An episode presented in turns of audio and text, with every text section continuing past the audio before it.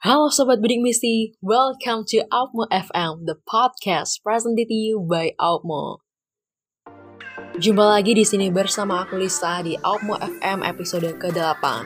What's your activity in holiday part 2? Ah, aku yakin nih pasti liburan kali ini kalian melakukan hal-hal yang sangat produktif ya. Misalnya kalian mengembangkan um, hobi kalian yang semula itu uh, kayak gak bisa dilakuin di semester ganjil lalu ya karena memang kesibukan kita. Dan mungkin bisa kita masifin gitu di liburan sekarang. Jadi intinya kita harus produktif sih uh, memanfaatkan waktu dengan baik di liburan kali ini agar gak sia-sia kalau hanya dipakai untuk rebahan dan juga santai-santai secara berlebihan gitu. Nah kalian juga bisa tuh baca buku-buku ya yang bisa menambah uh, wawasan kalian ya buku-buku yang masih gak sempet terbaca gak sempet selesai karena kemarin uh, mungkin banyak tugas ya sehingga gak sempet gitu. Jadi pokoknya lakuinlah hal-hal yang produktif yang bisa mengembangkan skill kalian. Intinya gitu sih. Pokoknya liburan itu aktivitas liburan itu um, kita manfaatin dengan baik gitu ya. Nah jangan lupa juga buat refreshing.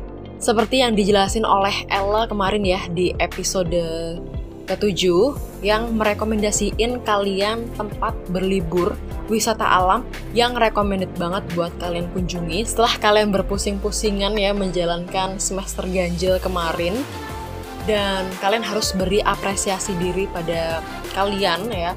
Jadi kalian bisa recharge energy, recharge mind gitu ya biar segar lagi biar siap untuk menghadapi semester genap ini. Yang juga ternyata dilaksanakan secara daring lagi.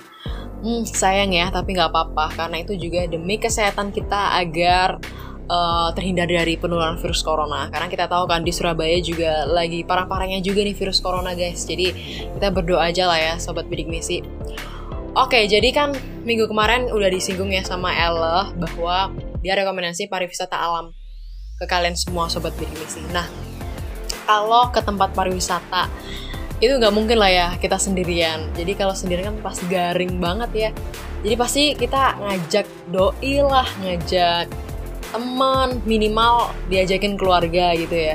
Jadi gak enak pastinya sendiri. Nah, tapi kalau kalian uh, joms, jomblo gak ada doi atau ngajak temen eh temennya lagi bokek dan ternyata sama-sama bokek juga ya alamat gak liburan ya nggak apa-apa sih tapi kalian bisa santai di rumah aja ya.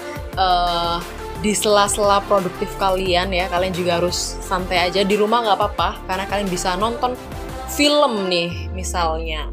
Jadi dengan nonton film uh, ada manfaat yang juga bisa kalian ambil ya.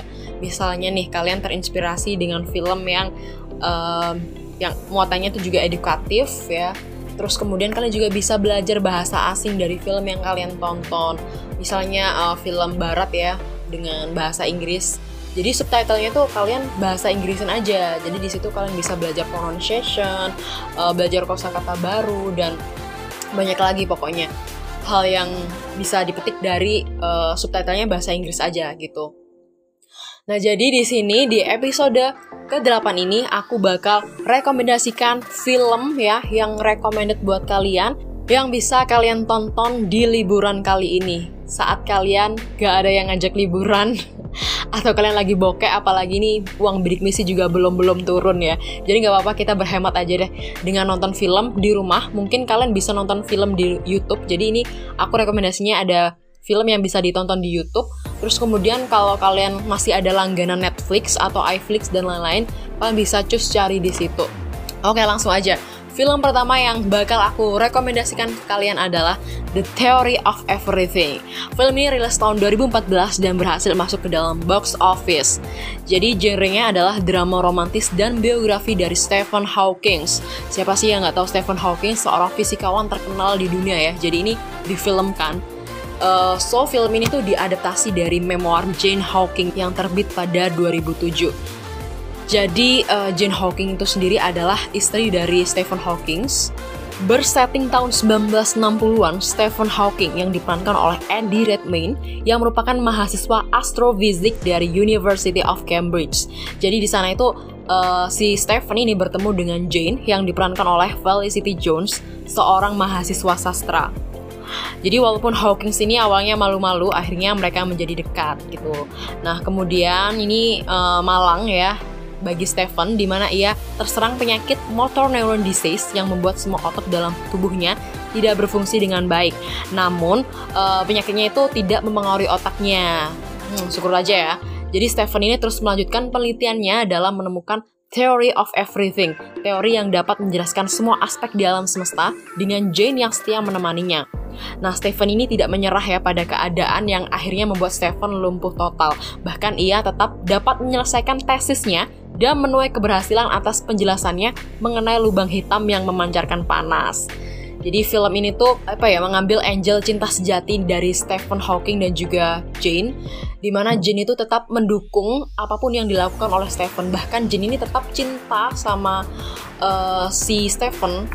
Meskipun Stephen ini lumpuh total nggak mengurangi cinta dari si Jane. Bahkan dia selalu support dan hingga akhirnya si Stephen Hawking ini meraih kesuksesan. Jadi itu kayak unconditionally love gitu ya. Cinta tanpa syarat. Aduh ini bagus banget sih. Nah terus kemudian di tengah kekurangan yang menimpa Stephen Hawking ia tetap semangat. Bahkan ia uh, di keadaan yang lumpuh total ia mampu menulis buku A Brief History Time yang merupakan buku terlaris di dunia di bidang fisika. Dengan buku ini, si Stephen Hawking ini menjelaskan mengenai eh, kejadian-kejadian uh, lubang hitam yang ada di matahari. Jadi bagus banget uh, ceritanya karena sangat apa ya mendobrak semangat kita gitu ya buat kuliah tetap semangat dan lain sebagainya. Jadi Stephen Hawking aja meskipun lumpuh total ia tetap bisa semangat apalagi kita gitu yang sehat-sehat aja gitu kan Nah terus kemudian poin plusnya juga dari Eddie Redmayne yang memerankan Stephen Hawking ini sangat total sekali Sobat Bidik Misi Karena uh, ditunjang juga dengan wajahnya itu kayak mirip gitu loh sama Stephen Hawking Jadinya cocok banget sih si Eddie Redmayne ini memerankan dengan total. Oke, ini filmnya recommended banget buat kalian tonton. Lanjut ke film kedua adalah Flowers in the Attic ya. Jadi film ini rilis tahun 2014 di TV movie Lifetime Amerika Serikat. Film adaptasi dengan judul yang sama dari novel Flowers in the Attic karya V.C. Andrews. Jadi novelnya itu lari sekali hingga pada tahun 1987 itu difilmkan. Nah terus kemudian pada tahun 2014 ini filmnya itu di remake ulang ya, tapi dengan gaya yang sangat uh, bagus, jadi lebih berkualitas lah daripada tahun 1987. Nah kemudian film ini tuh bergaya gotik gitu, dengan genre melodrama, dengan tema dark atau kehidupan kelam, dan tak jauh dari rahasia uh, keluarga ningrat yang super kaya dan hidup dalam pengasingan. Jadi uh, sinopsisnya itu bersetting tahun 1950-an di mana uh, empat anak yang bernama Chris, anak pertama, Kathy, anak kedua, dan juga si kembar Carrie and Corey yang mengenang masa bahagia mereka bersama ayah dan ibunya. Mereka pernah menjadi anak yang berbakat dan cerdas di sekolah. Nah, kemudian konflik ini diawali dari kematian sang ayah karena kecelakaan, sehingga membuat sang ibu yang bernama Corinne memohon ampunan kepada orang tuanya agar bisa tinggal di Foxworth Hall karena Corin sebagai single parent tidak bisa menghidupi empat anaknya lagi. Nah, tetapi nih sebagai syaratnya Corin tidak boleh membawa keempat anaknya karena merupakan hmm, hasil cinta terlarang antara Corin dan Christopher Dolelanger ya di mana uh, hubungan antara Corin dan Christopher itu kayak saudara tiri gitu loh uh, sama ibu. Jadi mereka melakukan incest sehingga mereka uh, dibuang oleh keluarganya. Nah, tapi si Corin ini boleh masuk ke, keluarganya lagi di Foxworth Hall asal gak membawa empat anaknya ini gitu loh. Nah, namun uh, Corin meminta ibunya Olivia untuk menyembunyikan anak-anaknya saja. Dan akhirnya Olivia memilih uh, tempat persembunyian keempat anak Corin di dalam loteng karena lebih aman uh, alasan lainnya sih untuk menyembunyikan anak-anaknya agar Corin ini juga mendapat warisan dari ayahnya yang sedang sekarat karena stroke.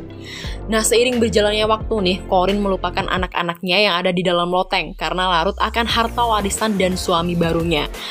Kemudian nih si Chris dan Kate itu hampir 2 tahun ya tinggal di dalam loteng dengan so dua saudaranya ini yang kembar. Dan sampai-sampai itu mereka harus memiliki perasaan cinta gitu ya sebagai seorang laki-laki dan perempuan bukan sebagai saudara kandung lagi karena masa puber mereka. Dan akhirnya hubungan incest mereka pun terulang di antara Chris sama Kathy ini.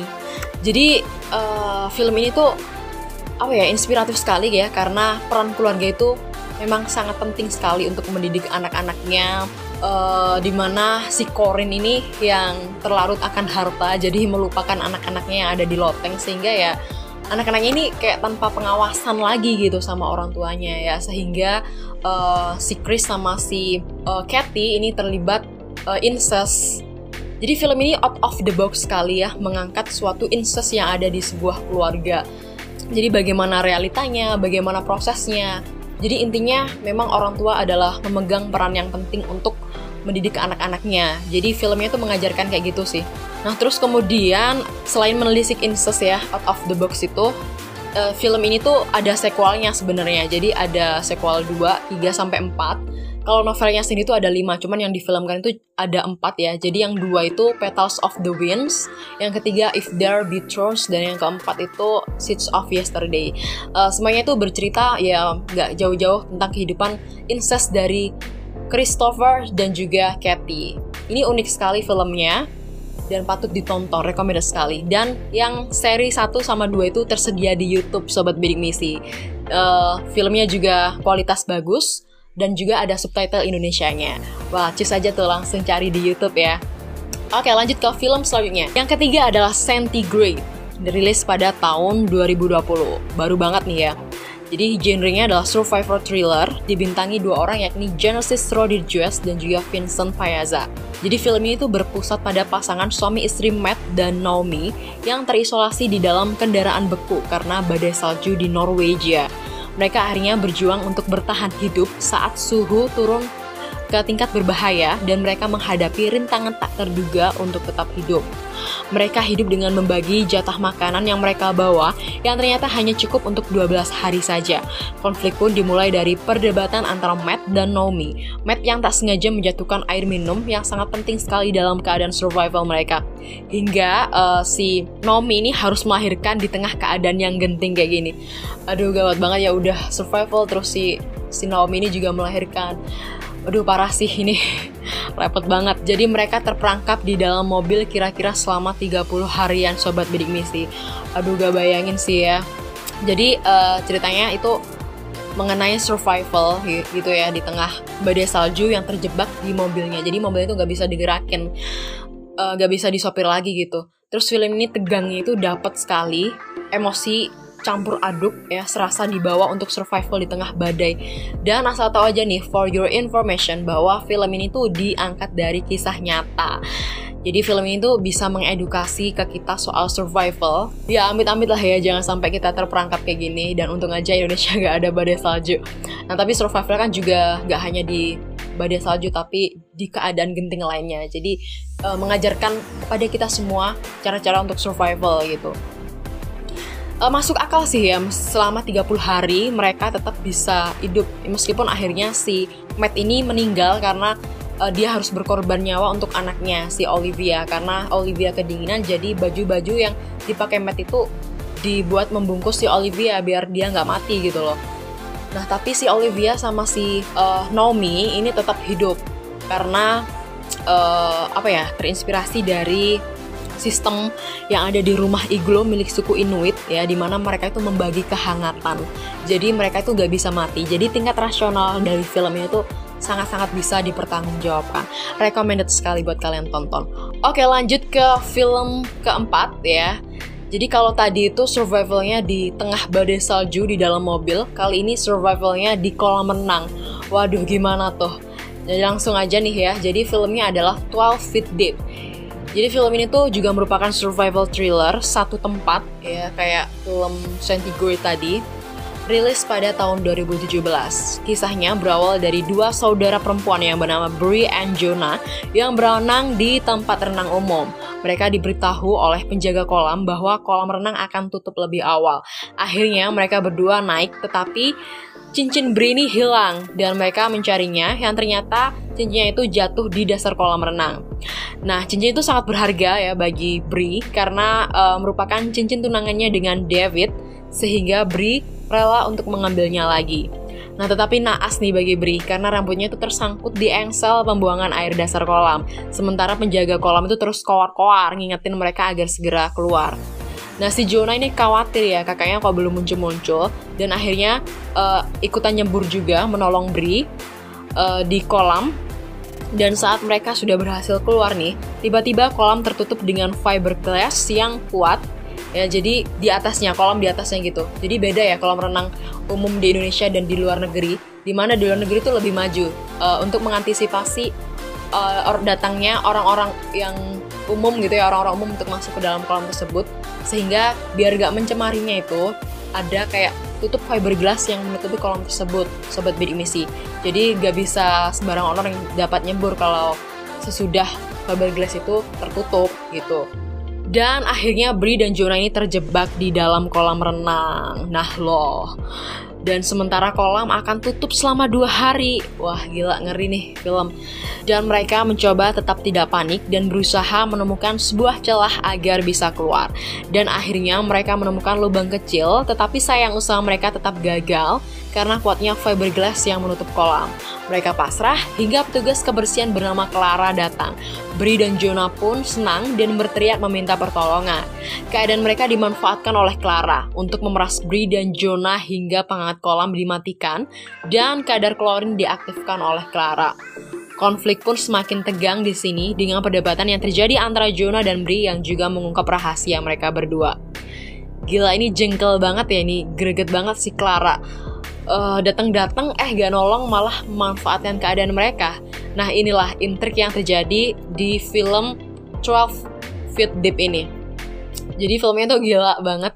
Uh, sama seperti Centigrade, kita juga bisa merasakan tegang, greget ya, ikut merasakan susah uh, dan juga memikirkan strategi gimana caranya keluar dari Bri dan Jonah.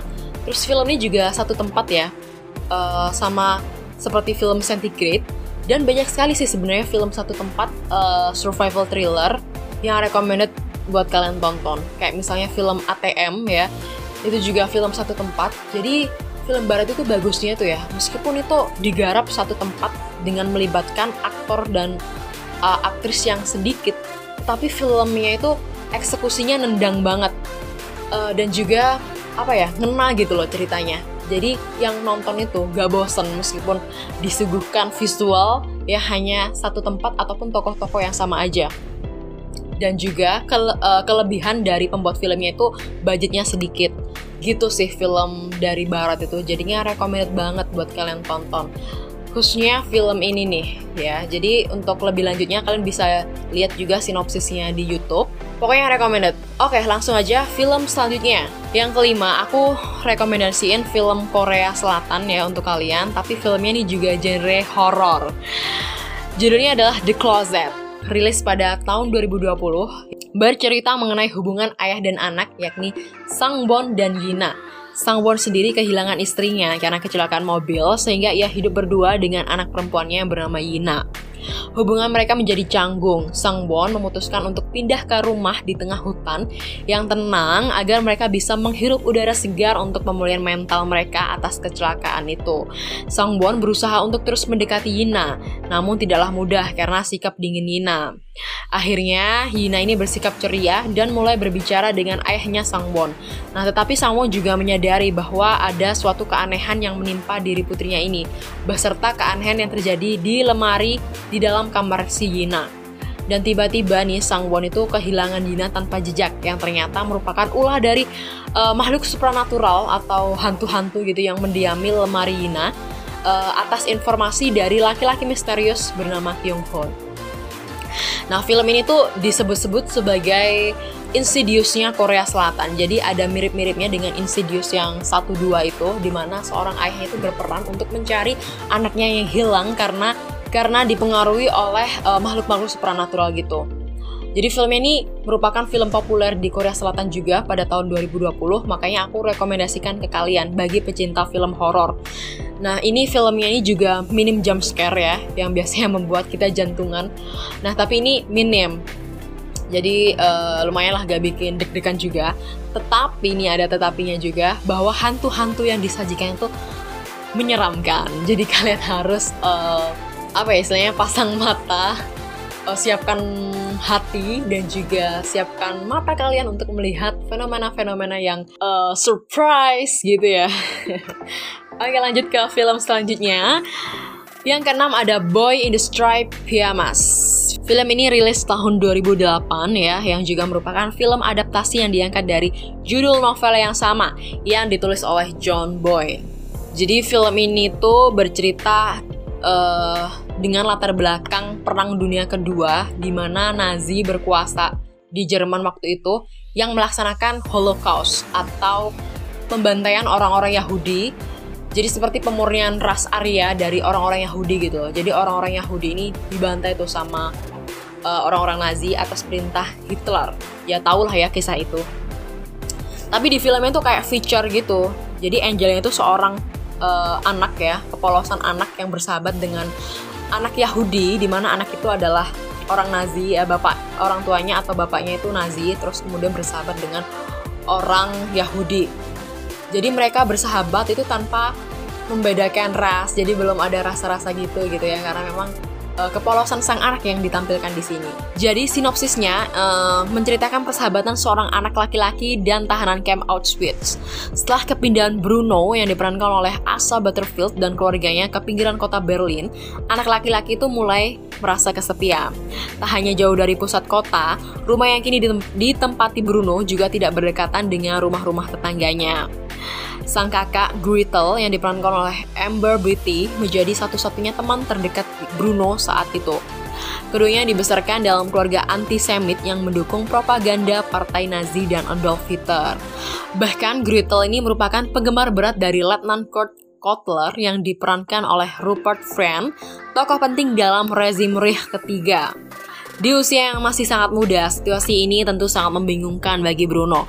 Ia tidak mengerti mengapa keluarganya itu begitu membenci orang Yahudi dan sangat mendukung Hitler. Dan suatu hari, Bruno ini menyelinap ke kebun yang menurut sang ibu Elsa yang diperankan oleh Vera Farmiga terlarang untuk dikunjungi. Di sana ia bertemu anak laki-laki yang mengenakan pakaian bermotif garis-garis bernama Small yang diperankan oleh Jack Scanlon. Small ini bercerita jika ia tak lagi memiliki keluarga setelah kakek dan neneknya meninggal dunia karena sakit. Padahal nih ya, usut punya usut, kakek dan nenek Small menjadi korban penyiksaan oleh angkatan bersenjata Nazi.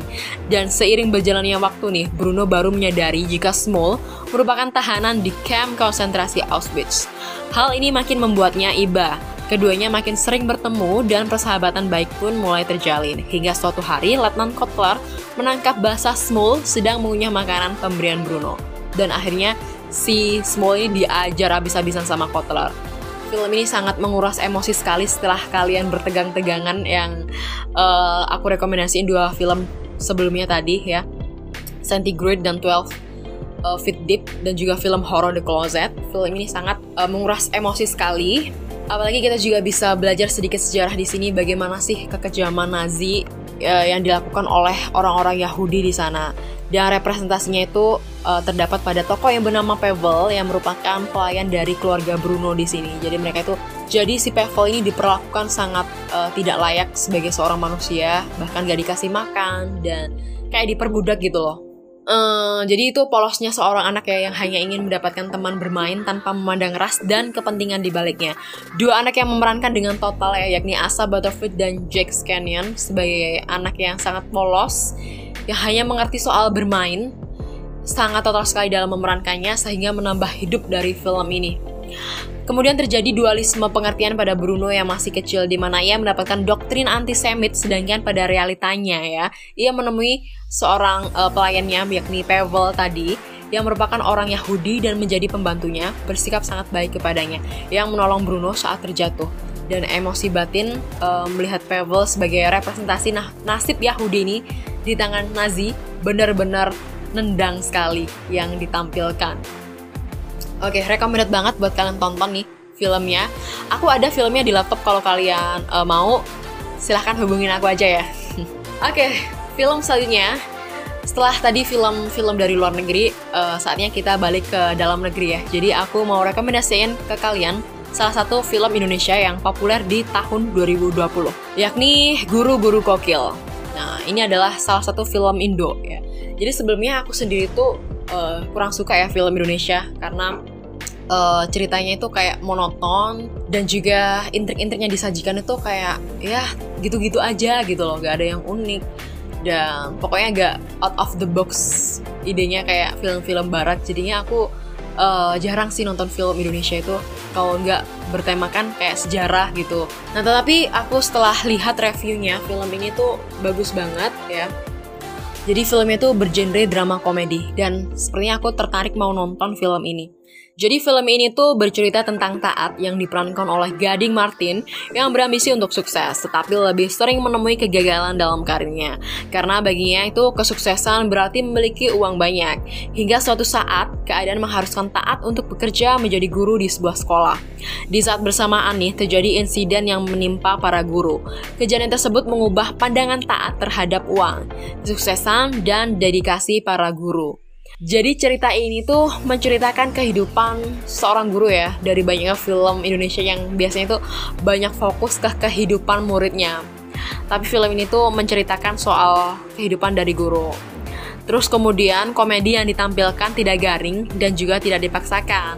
Konflik yang ditampilkan pun tidak tenggelam dengan lelucon yang berlebihan. Jadi ini reviewnya aku dapat di uh, kincir.com.